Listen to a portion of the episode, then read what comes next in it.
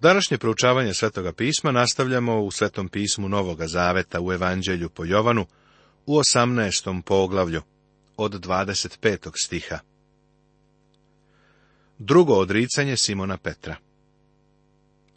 A Simon Petar je stajao i grejao se. U tomu rekoše, da nisi i ti jedan od njegovih učenika. On odreče i reče nisam. Reče jedan od prvosveštenikovih slugu, rođak onoga što mu Petar odseče uho. Zar te nisam video u vrtu sa njim?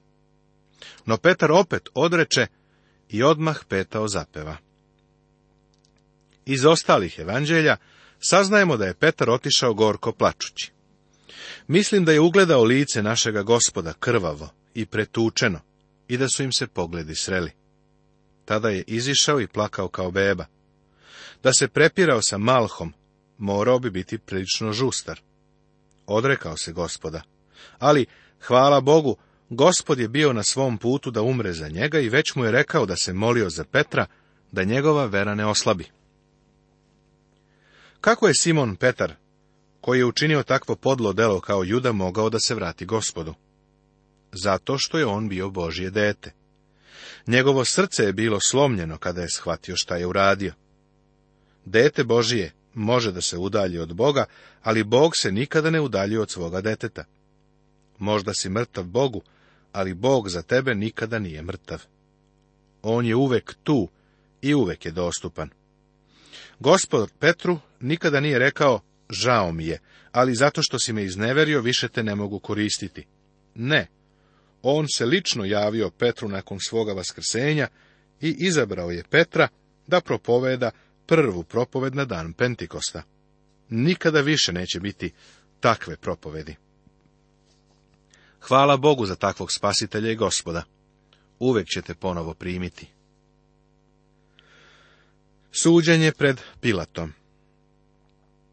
Isusa pak povedoše od Kajafe u pretorijum. Bilo je jutro, i oni ne uđoše u pretorijum, da ne bi postali nečisti, nego da mogu jesti pashu. Ovde postoji jedna vrlo zanimljiva epizoda koju bih želeo da primetiš. Ovde vidimo religiju i Isusa Hrista jedno pored drugog.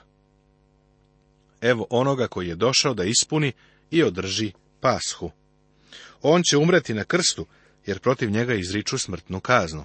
Ali, pošto žele da jedu pashu, pashalni obrok, ovi ljudi ne žele da uđu u sudnicu. To bi ih onečistilo. To neće uraditi. Tako su sitničavo religiozni.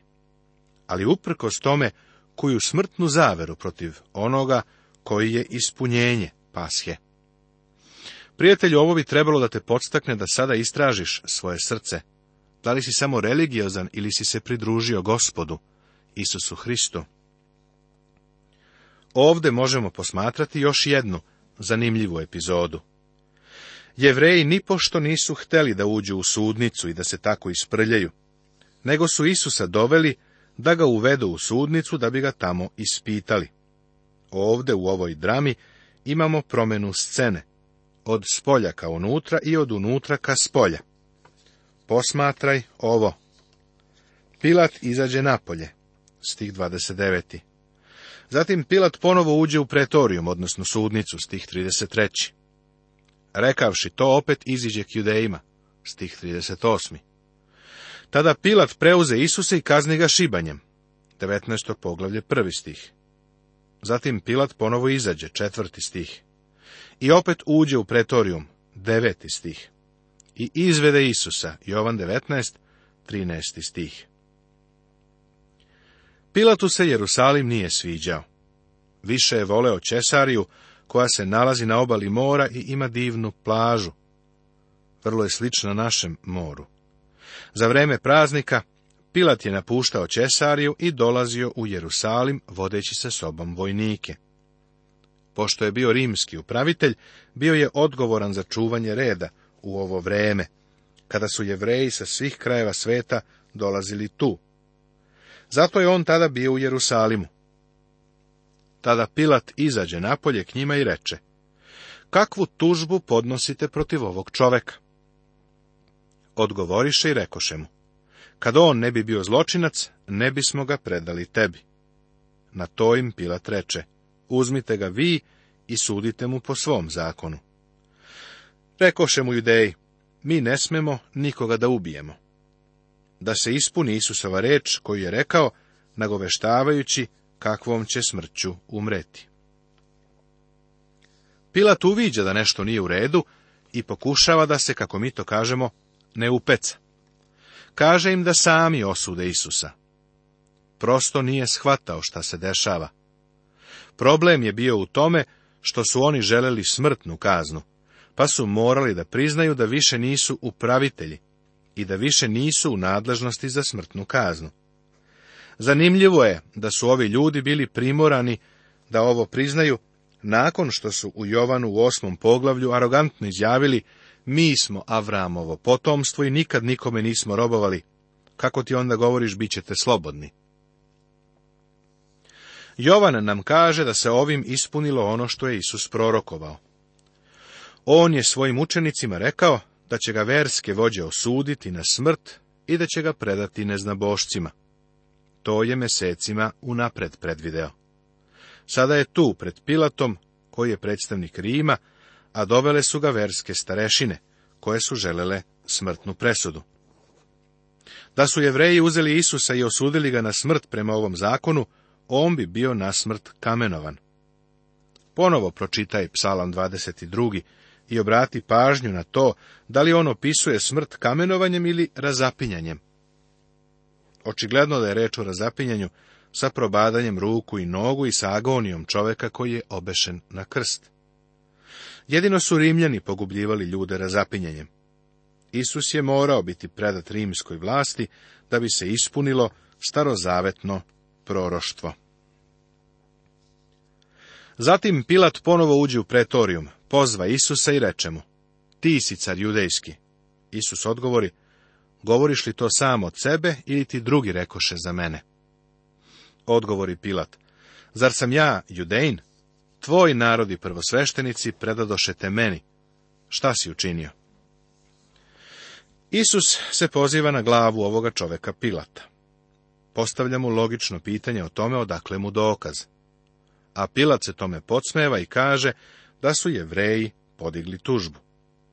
Sada će Isus da se pozove na srce ovoga čoveka. Isus je u kontaktu sa njim kao čovek sa čovekom. Pilat je bio zaprepašćen. Nije mogao da veruje da neko za sebe tvrdi da je car judejski i da će oni imati takvu drskost da podignu ovakvu optužbu. Pilat je u procepu želi da se iz svega izvuče. Želeo bi da pomogne Isusu. Nalazi se unutra, u sudnici, sam sa Isusom. Judejci čekaju napolju, zbog svoga skrupula da se ne onečiste. Pilat bi bio srećan da je Isus prosto rekao da nije car i da se Pilat iz svega izvuče. Ko je ovde na suđenju? Pilat ili Isus? Isus odgovori, moje carstvo nije od ovoga sveta. Kad bi moje carstvo bilo od ovoga sveta, moji vojnici bi se borili, da ne budem predan judejima. Ovako, moje carstvo nije odavde. Moje carstvo nije odavde. U grčkom jeziku predlog ek znači iz. Dosnovlo bi smisla bio moje carstvo nije od ovoga sveta. On ne kaže da njegovo carstvo jednoga dana neće biti na ovoj zemlji, kada će on vladati kao car nad carevima i gospod nad gospodarima, i zemlja će biti puna poznanja gospodnjega kao more vode što je puno, što kaže knjiga proroka Isaije u 11. poglavlju. Ali Njegovo carstvo ne potiče iz ovog svetovnog sistema. Ono ne sadrži strukturu moći koja se zasniva na politici. Neće se uspostaviti kroz svetovna merila. Isus će biti car koga nisu izabrale ni demokrate, ni republikanci, ni ujedinjene nacije. To carstvo se neće graditi ratovima, nemirima, mržnjom i gorčinom. Sam Pilat je bio prevarantski političar koji je svoj položaj kupio i koji je bio marioneta Rimskoga carstva. Mrzeo je jevreje, ali se plašio da ih napada jer bi u tom slučaju mogao da izgubi svoj posao. Ali Isus do svog carstva neće doći političkim manevrisanjem. Isus je rekao, kad bi moje carstvo bilo od ovoga sveta, moji vojnici bi se borili. Isus nije pružao nikakav otpor. Petar je pokušao da ga odbrani, ali Isus mu je rekao da vrati mač u korice. On ne gradi svoje carstvo na postojećem političkom sistemu. Prijatelju, ni crkva ne gradi njegovo carstvo. Biblija nas jasno uči da u sadašnjem vremenu Hristos okuplja ljude za svoje ime. Vidi dela apostolska 15. poglavlje. Ovo je eklesija, ili ti izabrani, ili ti crkva. Oni su pozvani iz ovoga sveta da žive u svetu, ali ne od sveta. Doći će vreme kada će gospodu potpunosti ukloniti crkvu sa ovoga sveta. Tada, kada Hristos dođe u svoje carstvo, on će ga uspostaviti. Na tomu reče Pilat, ipak si car. Isus odgovori, ti kažeš da sam car. Ja sam se za to rodio i za to došao na svet, da posvedočim za istinu. Svaki koji od istine sluša moj glas. Pilat je u ovom trenutku definitivno zbunjen. Isus i dalje razgovara sa njim. Kaže mu da je jedna od suštinskih stvari njegovog carstva istina. Slušaj šta kaže psalam 45. Rekoh, delo je moje za cara, jezik je moj trska hitroga pisara ti si najlepši između sinova ljudskih, blagodat teče iz usta tvojih, jer te je blagoslovio Bog do veka. Pripaši junače uz bedru svoju mač svoj, čast svoju i krasotu svoju, i tako okićen pohitaj, sedi na kola za istinu i krotku pravdu, i desnica će tvoja pokazati čudesa.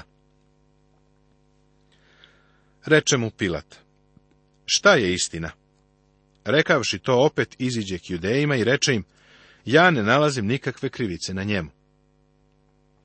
Da li je Pilat bio cinik? Da li je prosto bio zbunjen?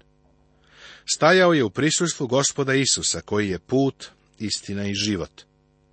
Jovan nam kasnije u svom evanđelju govori da je sve ovo napisao da bismo verovali da Isus jeste Hristos, sin Božiji. Prijatelju, Pitaš li se šta je istina? Da li je Isus za tebe istina? Da li si se u njemu suočio sa stvarnošću? On ponovo izvodi Isusa napolje i proglašava, ja ne nalazim nikakve krivice na njemu. A u vas je običaj da vam o pashi oslobodim jednoga. Hoćete li dakle da vam oslobodim cara judejskog? Očajnički se Pilat trudio da izbegne donošenje odluke. Hajde da vam oslobodim Isusa, da se sve sredi. Tada opet povikaše govoreći ne ovoga, nego Varavu, a Varava je bio razbojnik. Pilat nije ni sanjao da su religiozne starešine nagovorile narod da traži oslobođenje Varave. Kontrast između njih je bio prevelik. Biblija jasno govori da je Bilat bio uveren da je Isus Hristos nedužan. Jer je znao da su ga predali zavesti, kaže Matej 27. poglavlje. Ja nisam kriv u krvi ovoga pravednika, svedoči Matej 24. stih 27. poglavlja. Jer je znao da su ga prvosveštenici predali i zavisti, kaže Marko 15. poglavlje. A Luka im se opet obrati, želeći da oslobodi Isusa, kaže Luka u 23. poglavlju nisam našao ništa što na njemu zaslužuje smrt. Luka 23. poglavlje, 22. stih. Ja ne nalazim nikakve krivice na njemu, kaže Jovan u 18. poglavlju. Otada je Pilat nastojao da ga oslobodi. Kaže Jovan 19. poglavlje, a u delima apostolskim kaže Pilat je odlučio da ga oslobodi. I uprkos svemu ovome, Pilat nije imao hrabrosti da ga oslobodi. poglavlje 19. Tema Isusova smrt na Golgoti, pogreb u Josifovom grobu. U ovom poglavlju vidjet ćemo veliki neuspeh pravde. Rimsko carstvo je širom sveta bilo poznato i slavno po svojoj pravdi. Na svakom rimskom službenom stolu stala je mala figura Boga sa dva lica, Boga Janusa, jedno lice je gledalo napred, a drugo unazad. Od ovog njihovog boga potiče ime meseca januara, jer je to mesec koji gleda ka unazad, ka protekloj godini i unapred, ka novoj godini. Janus je trebalo da sudiju podsjeća da sagledava obe strane pitanja. Rim je svetom vladao skoro hiljadu godina. Kada bi Rimljani zauzimali narod, obećavali su im dobre puteve, zakon, red, zaštitu i mir, ali da će se život odvijati pod diktaturom. Rim je vladao gvozdenom rukom. U rimskim sudovima su nedužni dobijali pravdu, a i krivi su dobijali pravdu. Ne milost, nego pravdu. Zanimljivo je to što je suđenje Isusu bilo jedno od najvećih neuspeha pravde i predstavljalo je potpunu nedoslednost. Isusova smrt na Golgoti tada Pilat preuze Isusa i kazni ga šibanjem. Vojnici pak opletoše venac od trnja, staviše mu na glavu, ogrnuše mu purpurnu kabanicu, te mu prilažahu i govorahu, zdravo care judejski, i šamarahu ga. Ako je Isus bio nedužan, morao je biti oslobođen. Ako je bio kriv po optužbi koja je protiv njega podignuta, trebalo je da bude razapet. Bičevati ga je bilo je potpuno protivzakonito i pogrešno. Pilat je to učinio jer je mislio da će tako smiriti jevreje. Vojnici su iskoristili svoju priliku da se zabave sa Isusom pre njegovog raspeća. Kada čitamo Šamarahuga, to znači da su sa njim igrali okrutnu rimsku igru. Mogli su da ga unakaze i da sa njim učine šta god su hteli. Svi vojnici bi zatvoreniku pokazali pesnicu, Zatim bi mu vezali oči i svi sem jednog bi ga udarili najjače što su mogli.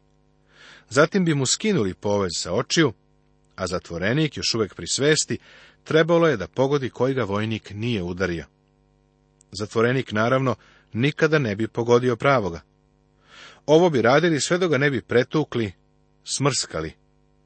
Verujem da je gospod Isus bio tako namaltretiran da ga ne bismo prepoznali.